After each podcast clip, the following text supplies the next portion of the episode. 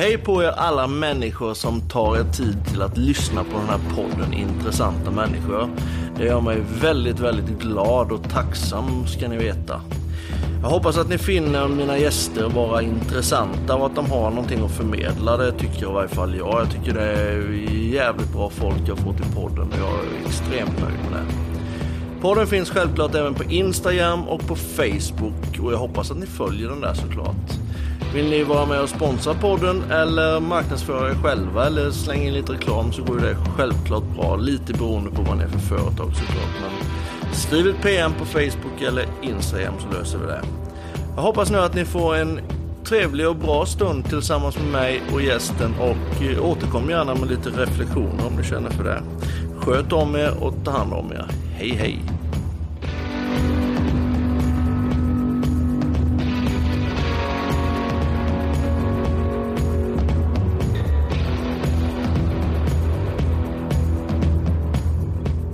Då hälsar jag Jörgen Krut välkommen till podden Intressanta människor.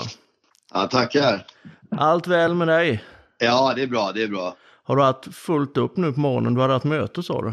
Ja, jag åkte på... Ja, det var, det var svårt att hitta en tid så vi, vi la ett morgonmöte här innan, eh, innan vi. Jag hade ju lagt in att vi skulle spela in podden, men ja. Så att jag hann med ett möte innan också. Ja, jag har förstått att du är jävligt upptagen. Du har en hel Vi, del. vi, eh, nej, men grejen är att jag håller på, jobbar ju mycket med, med träning på alla möjliga sätt. Men nu, nu eh, håller jag på även med online-träning och det var det, det som, som, som vi håller på att starta igång här. Ja, okej, okej. Men du, vi kan väl börja lite från början då. Jörgen Krut Ja. vet ju alla att du heter, men hur och var och när och vilken tid på åren växte du upp och vad gjorde du? Var, var började din resa?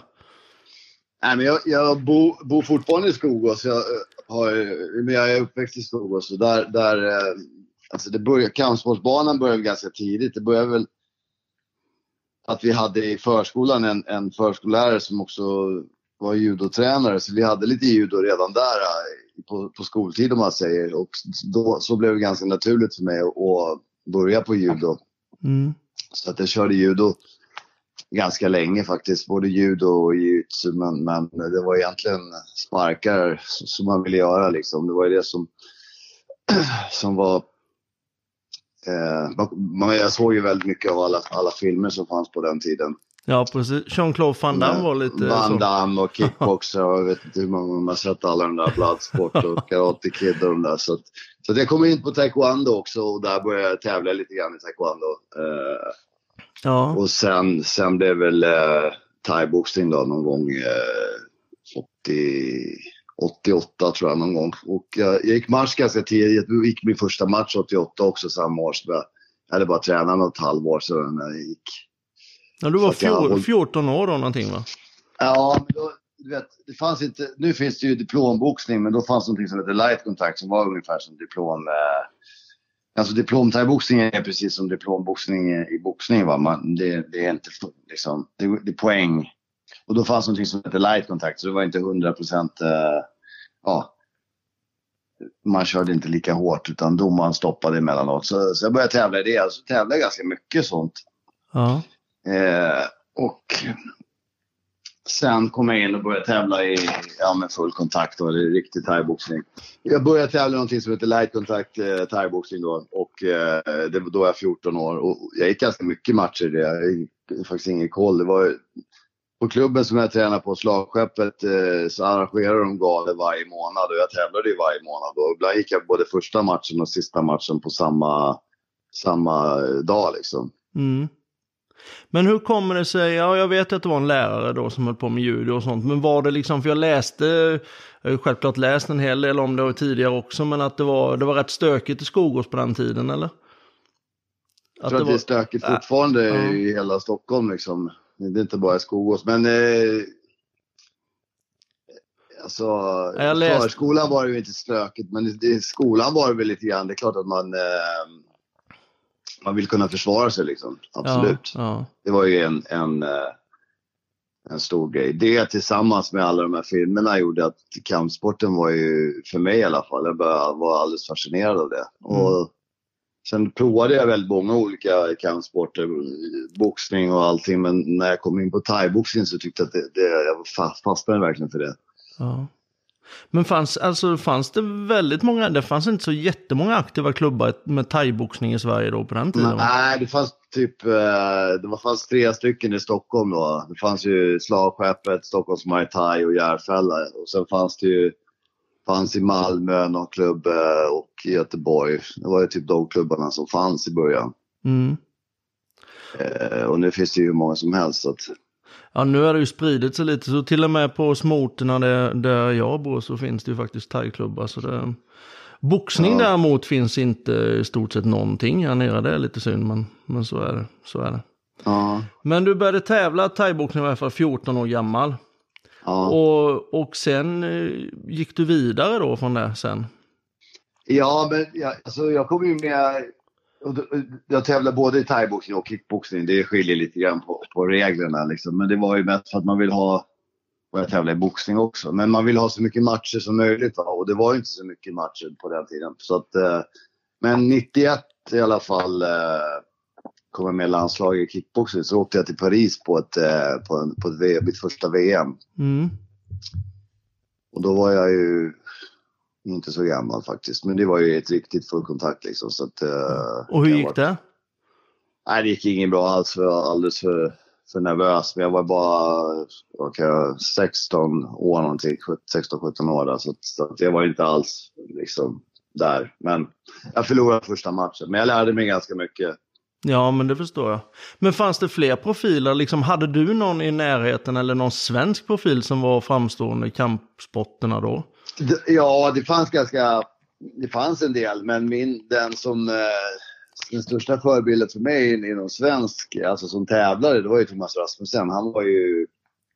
Han var ju Europa, vann, eh, blev Europamästare i thaiboxning tror jag 93 faktiskt. Så att, och då började jag träna med honom sen.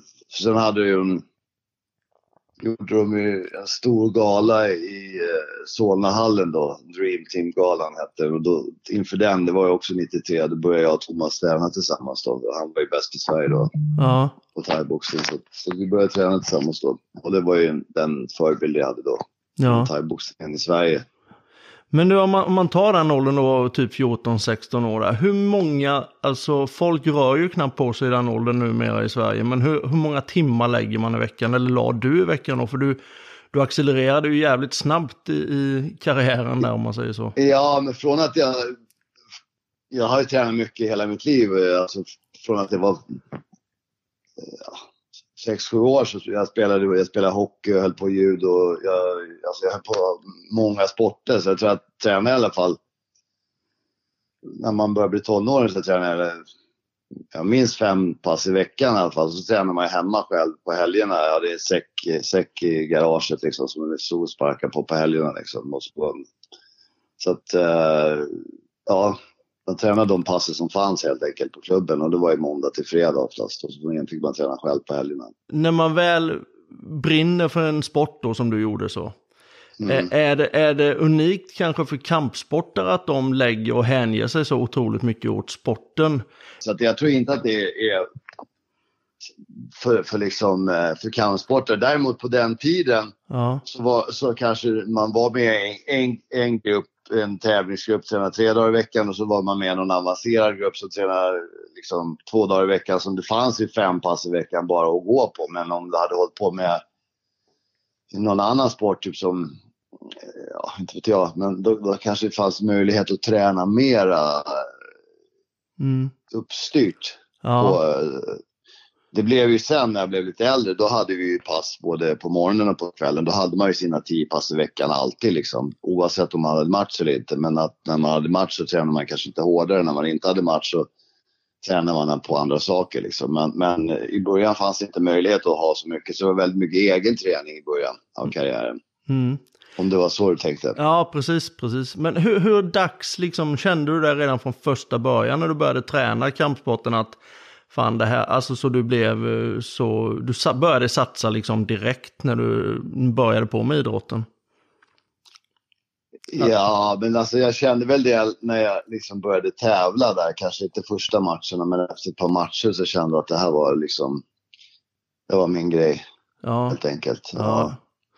Så jag bestämde mig ganska tidigt att jag skulle bli, försöka bli världsmästare i thaiboxning. Efter bara ett par matcher kände jag att det här, det här är liksom... Ja, för fan. Men det är skön inställning. Och den tävlingsinställningen har du haft eh, ifrån barnsben ända tills nu. Och det fortsätter. Ja, men du vet, vi, vi hade, min tränare då, P.O. Lindvall, han, han jobbade mycket med mental träning. Eller det är, det är som idrottspsykologi, Mm. samma sak. Men man, man förbereder sig i skallen liksom inför, eh, inför både matcher och träningar. Och så har man ju mål och delmål. Så han frågade ganska tidigt, vad, vad vill ni liksom? Vad, Mm. är ni, tränar ni för skojs skull? Eller så får man sätta upp mål och det är liksom... Då hade man ju... Världsmästare var ju ultimata målet och sen hade man ju på vägen dit skulle man först bli svensk mästare, nordisk mästare, Europamästare och börja även liksom tävla så mycket som möjligt. Och så får man ju gå och ta de här delmålen ett efter ett och hur man ska nå dit. Ja. Vad som krävs och hur man ska prioritera liksom vad som är viktigt och, och så vidare. Mm, mm. Men om vi tar då ifrån eh, 90 där sen sa du var ungefär. Hur, hur fortsatte karriären då? Utvecklades du och vad var, vad var tankarna med det då? Nej, men jag tror att någonstans, jag tror årsskiftet 93-94 där var vi nere i Thailand på träningsläger och då var jag... Eh, då fastnade jag i Thailand. Sex månader tror jag första gången jag var där nere och, och, och då blev jag helt såld på allting alltså, som hade med thaiboxning att göra och Thailand. Ja. Sen, och, och sen efter det så åkte jag ju, ja, jag har ju varit, vad tror jag det blivit 45 resor till Thailand sen dess då, så jag har varit där mycket och tränat. Långa perioder också när jag var ung. Mm. Eh, Så det formade ju mig lite grann att vara där Ja, jag själv och träna, bo på campen eller äta på campen och göra allt eh, som de gjorde där nere. Men du, hur lever de där nere då? För det, där är ju, ligger det ju otroligt mycket i generna med thaiboxning och sånt där. På vilket annorlunda sätt tränar man nere i Thailand mot Sverige? Så jag skulle säga att man tränar ganska lika nu i Sverige som i Thailand. Men skillnaden är att konkurrensen är betydligt hårdare där. På, både på, på matcher och på, eh, på klubbnivå. Liksom. Om du ska få en match så måste, i din viktklass så måste du vara bäst, Ja. bäst på din klubb för att kunna tävla. Liksom. Och där är en jävla skillnad mot, mot i Sverige kanske bara du, du är den enda i din, din viktklass på klubben. Så du får ju de matcherna. Mm. Men där kanske finns tio till som liksom har- vill ha den platsen. Så det är väl konkurrensen som skiljer extremt mycket. Ja, det förstår jag. Men det är väl det Och som träningsmässigt så tränar man på samma sätt liksom, ungefär. Fast man får ju betydligt hårdare träning eftersom sparringen är den viktiga delen och den blir ju liksom om det finns så många fler bara på din klubb som är duktiga och vill framåt så, så blir det såklart en helt annan grej. Mm. Men hur ofta blir det att man går matcher där nere då när du är där nere? Eller säg att du är där nere de här sex månaderna. Går du och är det, jag har ju faktiskt aldrig varit på någon thaiboxningsmatch. Jag har varit i Thailand men jag har inte varit på det någon gång. Men är det som, det som man ser på film att folk håller på att betta pengar och sånt? Och, och är det sådär? Eller är det, är det riktigt uppstyrda galor eller hur, hur ser det ut? Ja, det beror på vad man är. Alltså, det, det, de, nu har det blivit lite i Phuket och S- Samui de här. Det är inte riktiga matcherna har blivit turi, lite turist. Hela, hela thaiboxningsgrejen har blivit turistanpassad. Liksom. Thaiboxningstränarna och till skillnad mot Bangkok och eh, där är det liksom mer på riktigt liksom. Mm. Men de är... Så jag menar, det kommer turister ner och vill gå match och då tjänar de mer pengar på en turist som betalar för träning, går en match och det kommer en massa turister som vill se på den där killen mot att i, Bangkok är det mer, är det mer äkta liksom. Ja. Men det är klart, det är ju ett jävligt bra sätt för dem att tjäna pengar på där nere. Det, det är ju helt klart. Ja, helt klart. absolut. Ja. Men du, hur såg en dag ut när du var nere i Thailand? När du, ja en vanlig dag alltså på campen? Ja, men man går upp, oftast eh, ingen frukost, utan man går upp, upp på morgonen tidigt, eh, sex kanske, och springer. Men man vill liksom ha löpt innan det blir så jävla varmt där nere. Va? Så man vill hinna med löpningen innan, innan solen blir som varmast. Så oftast är det ju klockan sex så springer man ganska långt, timme Mm. kanske. Och så kör man lite mittsträning, timme till. Och sen käkar man och så sover man fram till 12 käkar, så käkar man igen och så tränar man vid 3 till 4, alltså 3 till 5, 6. Alltså det, det är ibland är långa pass som emellanåt är inte jätteintensiva men man, man kör lite löpning på eftermiddagen och hoppar lite rep, mittsar, sparring. Så, så, det blir ganska långa pass men man vilar lite grann emellanåt. Då. Men, men det är väldigt mycket tid, långa liksom. För att man ska hinna med all, all olika löpning, hoppa rep, skugga, mittsar, säck, sparring, clinch. Mm. Men alltså när du åker ner så i sex månader, då är det ju full fokus på träning. Förstår Då är det ju inte att hänga på massa barer och sånt i Thailand, det, det fattar jag ju också. Men hur fan har man, alltså rent eh, ekonomiskt, då blir man sponsrad med att åka ner på sådana, eller hur, hur funkar det? Måste man sköta sånt själv? Ja, det är klart att jag, jag hade ju senare i karriären så hade jag en väldigt bra sponsor, en, en, en, en uh, flygpoolen, alltså en resebyrå som sponsrade med resor. Så det var ju jättebra under väldigt lång tid. Eh, fick jag, hade mycket sponsorer så här, som hjälpte till både med pengar och vad det nu var. Liksom. Men eh, i början så fick man ju hem och jobba så mycket man kunde liksom några månader så att man kunde åka ner och, och träna. Så, sen bodde man ju billigt där nere, det kostade ju knappt någonting då. Men man hade ju ändå utgifter hemma i Sverige så man fick åka, jobba i perioder hemma och åka ner och träna eller, där nere då. Ja. Så var det i början såklart. Men när du väl kom hem sen då från de här kamperna, det var sex månaders perioden där då, hur, Ja, då var du ju förmodligen sjukt bra tränad, men hur, hur fort löpte det i Sverige sen då? Gick, började du gå matcher mer och mer då eller? Ja, jag tävlade ju mycket. Från att jag började tävla så, så tackade jag typ till alla matcher man fick. Liksom. Så ja. jag tävlade mycket. Jag tävlade, då, jag, jag tävlat som jag sa, jag gick ju lite boxning, kickboxning, thaiboxning. Jag tävlade i Savate också. Åkte ner till Frankrike, var med i EM i Savate, Marseille. Det är sådana här, man kör med skor, du vet sådana här. En form av kickboxning, men det är bara för att jag vill få matcherfarenhet liksom. Mm. Och K1 äh, var du med och tävlade i, eller hur?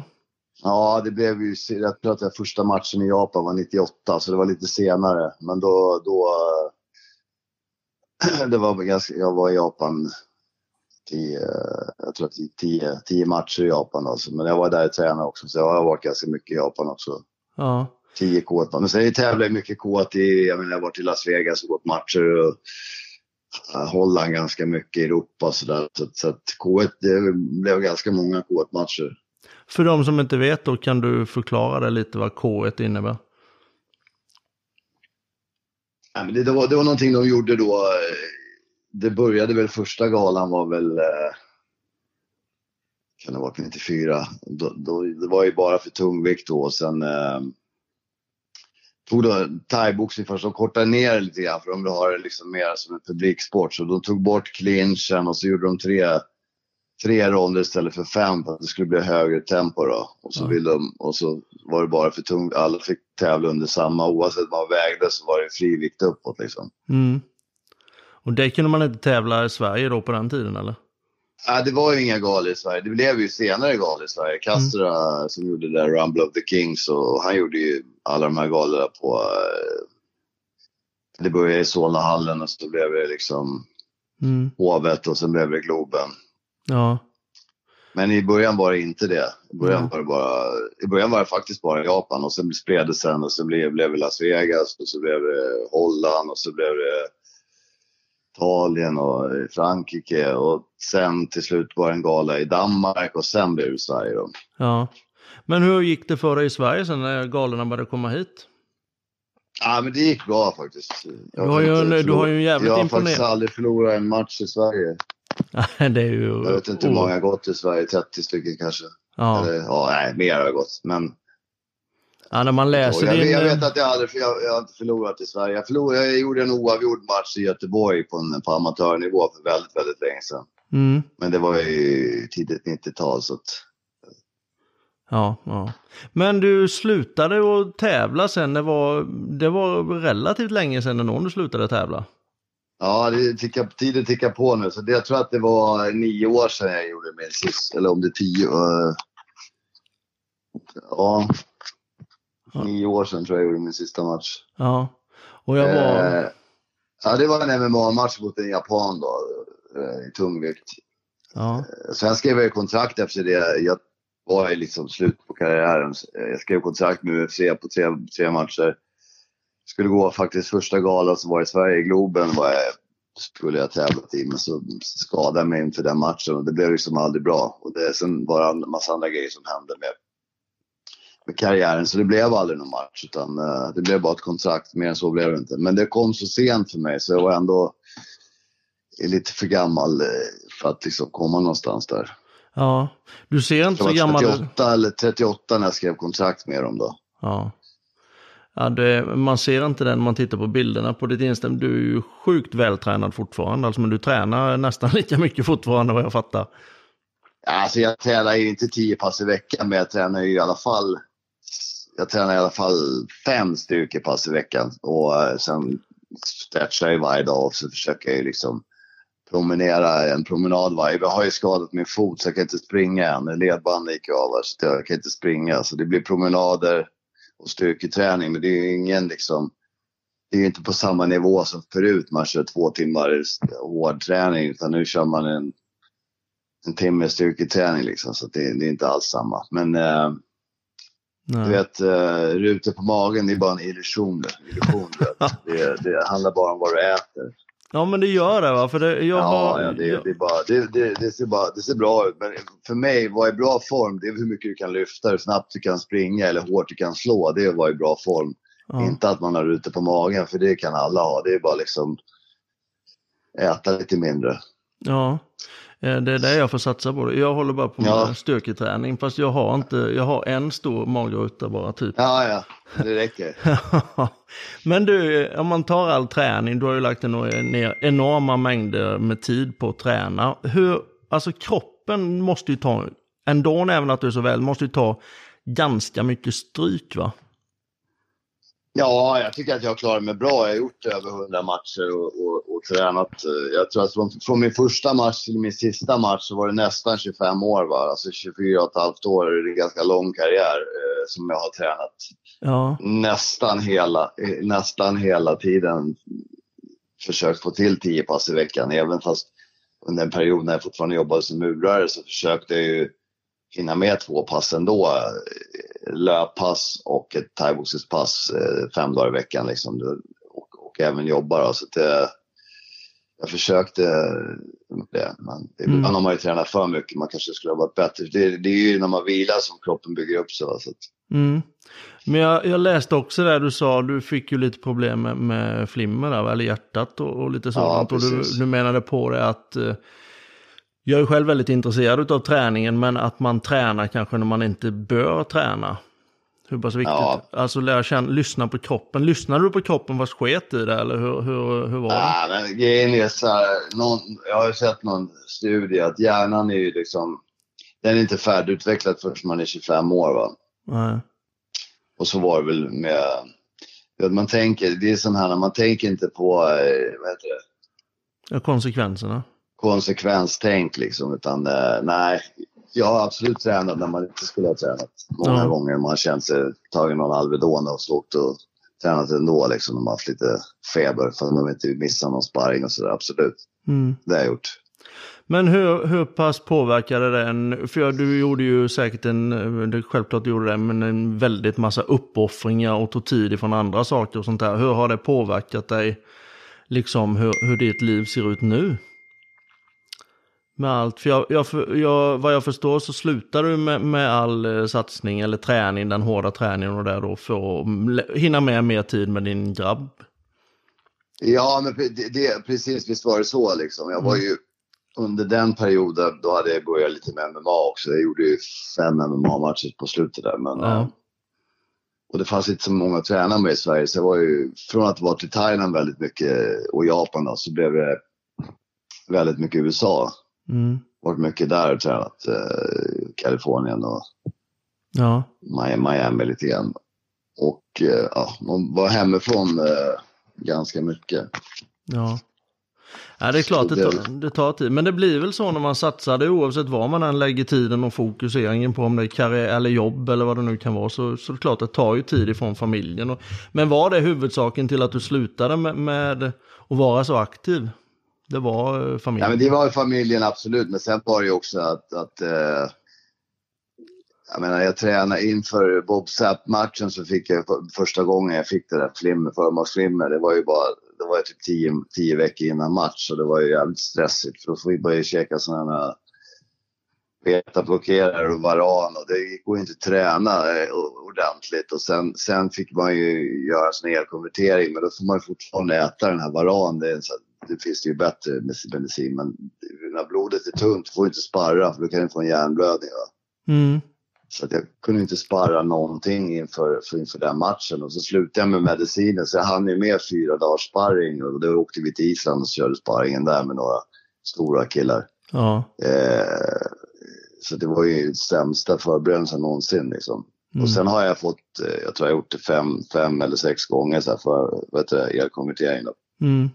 Att man, det blir ju av hård träning liksom när man är, allt, allt runt match är ju dåligt för, för hjärtat. Alltså det är hård träning och det är stress, press, du vet allt, allt det där runt omkring gör ju också att eh, när man var yngre så då gick man ju bara matcher, man, man tänkte inte så mycket på allt runt omkring utan det var, när man blir äldre blir man lite, vet du, man känner sig mer stressad, man är inte lika, lika hård längre. Då säger man. nej, Lite- men man man kan... blir lite mesigare.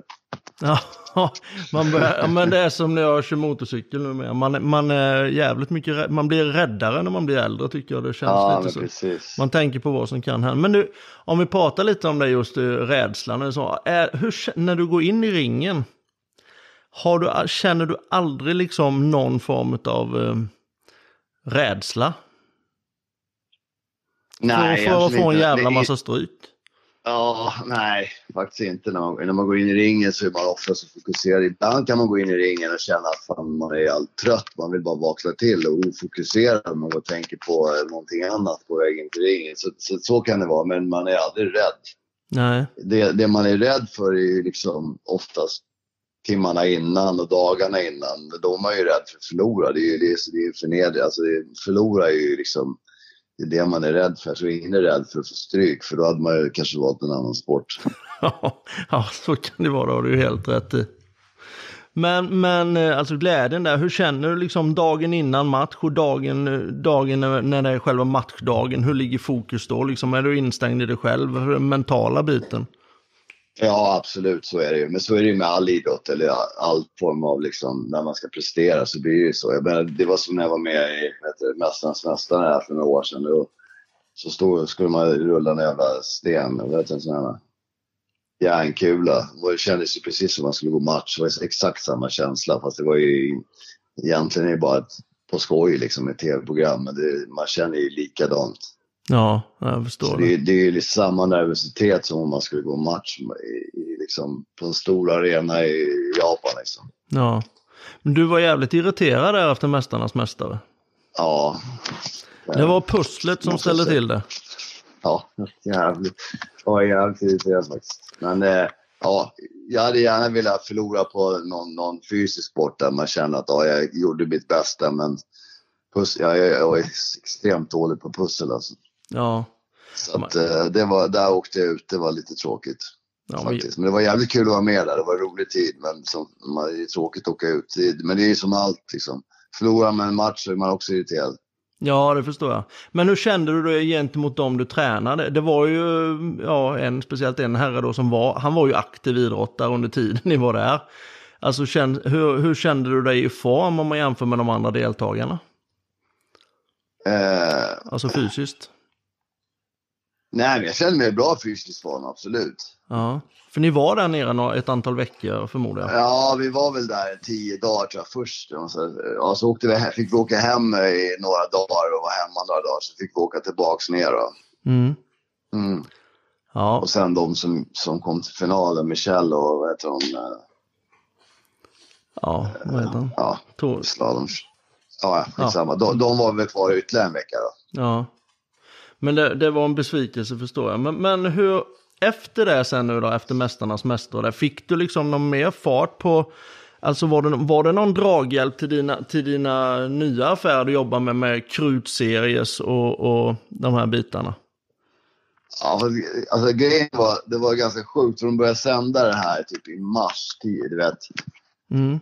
Och det var precis, precis när den coronasvängen kom. Alltså de, de, bara någon vecka innan sa de att vi vet inte om vi kommer att sända det här för det kan vara så att SVT vill bara ha nyheter nu mm. och ingenting annat och fokusera. Så, att, så det var precis när corona var som absolut värst, vilket gjorde att det var väldigt mycket tittare för att det fanns inte så mycket annat att göra för alla var ju, jobbade hemifrån eller liksom ja. Men det var heller inget företag som ville liksom eh, avancera utåt, förstår jag menar? Utan det var väldigt, alla körde i sparläge på allting liksom, för ingen visste hur länge det här skulle hålla på. Så att, så att just då kände jag väl ingenting och, och sådär. Nej. Men, men nu känner du att du har fått fart? För du, jag tycker det man läser om dig överallt och väldigt mycket. Och det, ditt egna det kan vi säga också, du har, du har ju byggt upp ett varumärke som heter Krutseries då med proteinpulver, kosttillskott och, och sådant. Precis, jag har, ju, jag har ett märke tillsammans med Bet You som heter Krutseries och det har jag ju haft i fem år. Och det är min gamla kollega Johan Sidvall som, som han var ju på Twin Lab också förut. Så jag jobbade, började jobba med Twin Lab 93, 94 där. Mm. Samarbeta. Så nu har ju de sponsrat mig till Twin Lab, till VNT och, och vidare. Och att, så att jag har jobbat med honom ända sedan 93 med kosttillskott. Så, ja. så vi har kört där länge tillsammans och han har ju stenkoll på allting. Ja. Så att, ja, absolut. Men det, det har ju ökat hela tiden, så det bolaget går ju bra, absolut. Ja, jag förstår det. Man ser, man ser både bilar och man, sen är det ju väldigt mycket såklart man ser på nätet utav, utav ja, sortimentet. Också. Men, men om vi tar dagsläget nu då, om vi hoppar över eller går förbi Mästarnas Mästare, det vet vi ju hur, hur det gick och så. Men om vi tar dag, vad gör du nu? Du håller träningskamper och sånt nu? Ja, det har ju blivit lite paus på den sidan på grund av coronan också. Men, men mestadels eh, är det ju pet, alltså personlig träning där jag jobbar på ett gym på Styrmansgatan som jag tränar folk ja. som bor och jobbar i närheten av Östermalm. Liksom. Mm. Och, och, det är väl det huvudsakliga. Och sen såklart kosttillskottsmärket som vi har eh, som jag jobbar med. Men eh, träningsresor och sånt. Nu har jag ju börjat komma igång lite igen så jag ska göra resan nu till Järvsö här med ett företag som heter Springtime. Och eh, sen jobbar jag med utbildningar också, alltså tränarutbildningen vid RF, alltså i thaiboxning då. Och det har vi bokat in två läger här. Sundsvall och Helsingborg tror jag är i höst. Och sen så de ringde Jocke Karlsson från, från, från förbundet precis och sa att vi skulle ha, även ha ett landslagsläger här i höst. Så det, jag jobbar ju med thaiboxningslandslaget lite grann också. Ja, lite, ja, du är ju landslagstränare där ju. Ja. ja, precis. Mm. Så, så, vi ska ha ett landslagsläger i höst också. Men det är väl det. Jag brukar ju alltid åka till Portugal två gånger om året och göra sådana här träningsresor. Jag tror jag har gjort 20 stycken mm. i Portugal då. Men det blir inget Portugal i höst. Men jag hoppas på våren att det blir träns. Mm. Så det jag gör är, förutom personliga träningen så är det träningsresor, tränings, liksom, weekends och sådana här, både i Sverige och, och utomlands. Ja men det måste väl vara en optimal tillvaro för någon som verkligen älskar att träna? Ja men absolut. Ja, det, ja, det förstår jag, det förstår jag mycket väl. Men du, privat då? Hur ser livet ut för dig när du inte jobbar? Du jobbar ju en jävla massa vad jag förstår och väldigt aktiv. Ja, men jag, nej, väl, jag jobbar ju liksom de dagarna jag jobbar, jobbar långa dagar. Sen har jag mina barn liksom som jag hänger med. Ja. Och, du och nu har jag ju varit, jag har ju liksom, eh, jag har ju inte gjort läger på nästan två år eh, på grund av coronan. Så jag har ju varit, mycket, jag har varit ledig på helgerna som jag aldrig varit tidigare. Så det har varit väldigt skönt också. Mm. Mm. Samtidigt som det har varit dåligt för business så har det varit skönt att vara hemma på helgerna. Mm. Men om, om eh, om du inte tränar och inte umgås med barnen, har du någon annan sysselsättning du håller på med? Någon, någon fritids... Träningen är väl i och för sig din fritidssysselsättning också och, och så, men har du något annat du brinner för lika mycket? Inte lika mycket kanske, men som du har som intresse? Jag gillar att vara liksom ute sådär, ute och åka båt, ute i skärgården och sådär. Naturen tycker jag är skönt. Framförallt i liksom, Stockholms skärgård tycker jag är underbart att vara i. Ja, jag har sett att du, har du, är det sonen som har börjat tävla och köra båt eller? Jag har inte börjat tävla, men han kanske ska göra det. Han har ju tävlat i gokart i fem år, men det la han av med. Så att vi får se om... Han körde lite cross också innan, men jag, jag gillar ju motorsport. Jag har hållit på med det själv ganska mycket när jag var, när jag var väldigt ung. Alltså både båtracing och gokart har jag tävlat i. Ja, men hur gick det de karriärerna? Var det samma fokusering på dem? Ja, men, men eh, jag gillade ju thaiboxningen mer, för det var ju mer vad du själv gjorde. Det andra var ju väldigt mycket, alltså det är ju materialsport såklart, motorsport alltså. Ja. Men annars i en ring så har du ju, all, har ju likadana handskar som motståndaren. Så det, det har ju ingen som helst betydelse vad du har för motorer och ramar och, och, och sådär va. Nej. Så att, eh, men jag tycker det är kul med motorsport ändå. Mm. Ja, men där är vi två. Jag har jobbat i fordonsbranschen i snart 30 år så det har ju blivit mycket tävlingar motorsport. Men, Ja. men eh, grabben, eller de är inte intresserade av kampsport och inte vill gå din väg där. Eller, jag har ju sett ibland att de med och tränar på gymmet i och för sig. Men, Ja, jag har ju försökt på alla. Han har ju gått på både brottning och tävla i brottning och judo och boxning och thaiboxning. Men eh, han vill bara spela fotboll. Då. ja. ja, men det, har han samma fokus som du har så går han säkert jävligt långt inom fotbollen också. Ja, vi får hoppas på det. Jaha, hur ser framtiden ut nu då? Har du några speciella mål satta? Nej, men det är den där Peter Online-grejen som vi ska dra igång här. Så det, det tar lite tid att, att, att, att få igång det där innan det ska lanseras. Så det är ganska mycket med det. Sen håller vi på med att ta fram lite nya produkter med Crude Series också. Så det, det är också, alltså produktutvecklingen där är ganska mycket med det också. Och sen är det ju, drar igång alla de här utbildningarna som vi kommer köra med RF eftersom vi ligger efter ganska mycket på grund av coronan då. Så det kommer bli mycket sådana stegutbildningar och eh, även landslagsläger och sånt kommer dra igång nu. Om det inte blir någon tredje våg eller vad fjärde eller jag vet inte vilket nummer på våg det ska bli. Då. Men, Nej, nej. men, ehm, men i huvudsak så är det väl produktutveckling, ta fram nya produkter till kosttillskottsmärket och sen dra igång online-träningen. Det är huvudsak jag jobbar med förutom eh, mina PT-kunder. Ja. Men det blir ingen comeback i ringen i varje fall? Ja, det bäst för, man vet aldrig. Nej, men jag Tyson tänkte det har ju blivit rätt mycket... Ja, det har blivit, det har blivit lite sådana här bare knuckle fighter nu med Berserk fight och, och de här, men det är du inte intresserad utav? Alltså, om jag ska boxa, om jag ska göra comeback så är det bara en enda anledning och det är pengar. Ja, Det finns liksom inte, jag har inget behov av att slåss. Jag har, jag har, gjort, jag har gjort mina matcher, det blev ju nästan, om man räknar med amatörmatcher så är det nästan 150 matcher totalt. Liksom. ja. Jag har liksom, det finns ingen, eh, det brinner, alltså nej. Det är bara av ekonomiska skäl i sådana fall. Så Mm. an- annars skulle jag nog inte göra comeback. Nej. Det är ju inte hälsosamt att, att tävla när man är, alltså få slag i huvudet när man är 47 år. Nej, det är klart. Det är klart. Det... Nej, det, det, är väl, det är väl så. Det är väl så. och bare knuckle-grejen är väl ändå inte riktigt eh, så stor än tror jag. Nej. Nej, Som, som boxningen och thaiboxningen och, och MMA, UFC och det. Men det kanske kommer, bare knuckle-grejen också. Ja, ja, jag tycker man ser, man ser lite, fast det är främst Instagram och sociala medier, man ser lite utav matcherna där på så. Ja, ja precis. Men, ja, ja fy fan. Men du, Jörgen, Ja. jag tackar dig så jättemycket för att du ville ställa upp. Är det någonting vi Ja, har glömt, ja. tycker du? Ja, Hur man, får man får tag på dig? Du har en hemsida har du ju. Har en hemsida. Jag har en hemsida, jörgenkut.com. Jag har Instagram som också heter jörgenkut. Och, så att det är väl bara mejla eller Facebook eller Instagram eller vad det nu är. Ja, ja det är klockrent. Ja. Ja men du, jag hoppas få träffa dig framöver sen då. Vi har ju försökt Ja, jag att sy hoppas ihop, vi har, ju hoppat, Ja. vi har försökt sy ihop det här några gånger nu men det blir ju skitbra. Ja, grymt, grymt. Mm. Ja, Du får sköta om dig och ha det så jättegott. ja, okej. Tack, tack. Tack.